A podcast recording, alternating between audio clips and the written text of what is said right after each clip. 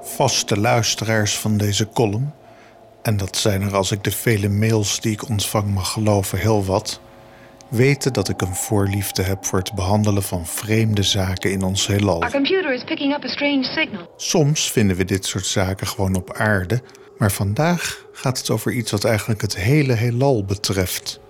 De axis of evil. Letterlijk vertaald de as van het kwaad. En dan niet as als in iets in de hens steken, maar as als in assenstelsel. Een enkeling zal onwillekeurig aan president George Bush denken, die deze term gebruikte om regimes aan te duiden die investeerden in terrorisme en massavernietigingswapens, of die nou werden gevonden of niet. Maar dat is uiteraard niet waar we het nu over gaan hebben.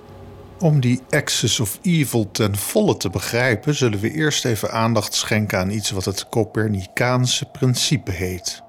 U heeft vast wel eens gehoord over de Copernicaanse revolutie. It would likely spark the beginning of a revolution. Nicolaus Copernicus stapte af van het geocentrisch model, wat altijd de aarde als centrum van het heelal had gesteld. This is of the utmost importance. Inmiddels is er natuurlijk alle aanleiding om aan te nemen dat onze nietige bal met leven niet met de eer mag strijken het centrum van het hele universum te zijn, maar een paar eeuwen geleden zag men dat anders.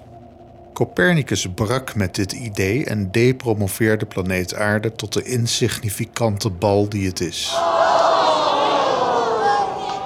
Dit maakte een hoop mensen nerveus, maar dat is gelukkig niet genoeg aanleiding om aan te nemen dat het dan niet zou kloppen.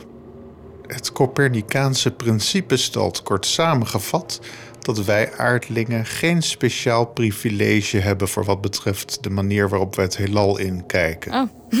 Het zou met andere woorden best kunnen dat er een paar miljoen lichtjaar hier vandaan nog een planeet is waar intelligente wezens op rondslenteren die eerst met vrees en bewondering het heelal inkeken, in de veronderstelling dat een onstoffelijk wezen hier schuldig aan was. Om een paar eeuwen later tot de conclusie te komen dat ze maar om een willekeurige ster draaien. En alhoewel hun sterrenhemel er wezenlijk anders uitziet dan de onze, zitten we eigenlijk in hetzelfde schuitje. Als u worstelt met dit soort zaken, misschien vindt u dan wel wat troost in de wijze woorden van wijlen Carl Sagan. Our preferences don't count. We do not live in a privileged reference frame. If we crave some cosmic purpose, then let us find ourselves a worthy goal. Goed dan, daar zitten we dan in onze stoel op onze insignificante planeet. Of misschien ligt u in bed of wandelt u of bevindt u zich in het openbaar vervoer of in een auto. Alhoewel we allemaal erg veel prijs lijken te stellen op persoonlijke aandacht en doelen, weten we sinds Copernicus dat we maar een zucht in het niets zijn. Eén planeet uit velen. Nu we dat egocentrische beeld op de rand van ons bord hebben gelegd, is het tijd voor het onderwerp van vandaag: de Axis of Evil. In deze column hebben we het wel eens vaker gehad over de kosmische achtergrondstraling. Cosmic radiation. Dit is een fossiel van de Big Bang. En vooralsnog het beste bewijs dat die Big Bang een geslaagde theorie is. Zo'n 300.000 jaar na die Big Bang begon straling alle kanten op te reizen. En met het verstrijken van de tijd en een steeds groter wordend heelal rekte de golflengte van die kosmische achtergrondstraling steeds verder uit. Niettemin kunnen we deze straling nog steeds en op elk moment van de dag op elke plek in het heelal waarnemen. In eerste instantie lijkt het voor de hand te liggen dat deze straling gelijk verdeeld is over het heelal. Maar het zijn juist de kleine rimpels in deze straling die ons een schat aan informatie geven. Wat we rechtstreeks kunnen meten is de temperatuur van deze cosmic background radiation. Deze is ongeveer 2,725 Kelvin. U weet misschien nog wel dat 0 Kelvin het absolute nulpunt is, wat onderwerp is voor een toekomstige column. De temperatuur van het voor ons zichtbare heelal is dus niet 0 Kelvin, maar ongeveer 2,725 Kelvin. Net iets warmer.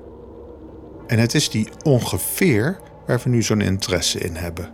Want als we een temperatuurmap van het heelal om ons heen maken, dan zien we kleine lokale schommelingen.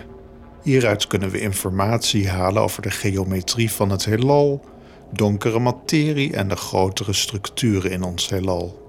Allemaal zaken die al eens de revue gepasseerd hebben in deze reeks columns. En het is ook allemaal informatie die voort is gekomen uit dat oerbegin. Om nummers aan dit soort verschillen te hangen, kunnen we de gemiddelde temperatuur aan de bol om onze aarde in steeds kleinere stukjes meten. Als we de gehele bol om ons heen meten en het gemiddelde nemen, komen we dus uit op die 2,725 Kelvin. Maar we kunnen de bol ook in twee delen meten, boven en onder ons, en dan in kwarten en achtste, etc. Als we dan steeds de warmste sector in elke verdeling aanwijzen, dan zou die bij een gelijke volstrekt willekeurige temperatuur steeds weer ergens anders aangetroffen worden. Dat is ook wat wordt gemeten, behalve dan in de vierde en achtste verdeling. En dat is merkwaardig.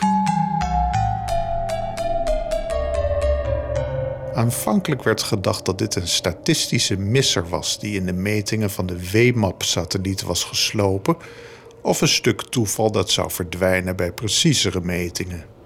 Maar die preciezere metingen werden gedaan met de Planck-satelliet en die metingen bevestigden wat al was gemeten. Kort gezegd komt het erop neer dat de kosmische achtergrondstraling verdeeld kan worden in een warmere halve bol en een koudere halve bol die ook nog eens precies onder en boven de ecliptica lijken te liggen. Hens, kan je dit iets beter uitleggen? De ecliptica is het vlak waarbinnen de planeten in ons zonnestelsel draaien en de kometen en de manen. Dat is, vinden veel astronomen, wel heel erg toevallig. Hmm. En zo kreeg dit fenomeen de naam Axis of Evil. Er is bijzonder veel over gepubliceerd in de wetenschappelijke literatuur. Allemaal met de moeilijk te verteren conclusie dat een bevredigende verklaring voor deze toevallige scheiding nog niet is gevonden. Het moeilijkste eraan is dat het fenomeen weer afwijkt van dat Copernicaanse principe. Eigenlijk krijgen we dan weer juist een geprivilegieerde positie. Hoe groot het verschil is, vraagt u? Niet veel, het is maar een paar microkelvin. Sommige astronomen denken dat het gewoon stom toeval is, of dat er toch iets over het hoofd gezien wordt. Waar de meeste astronomen het wel over eens zijn, is dat het raar is dat er überhaupt een verschil tussen de gemiddelde temperatuur wordt aangetroffen als we het heelal in twee stukken hakken. En het allerraarste is dat die tweedeling ook nog eens uitgeleid ligt met ons zonnestelsel. Dus toeval, wie zal het zeggen? Linda misschien? Heb jij ook een vraag over de sterren? Mail dan naar hensiemerman.gmail.com. Tot volgende keer.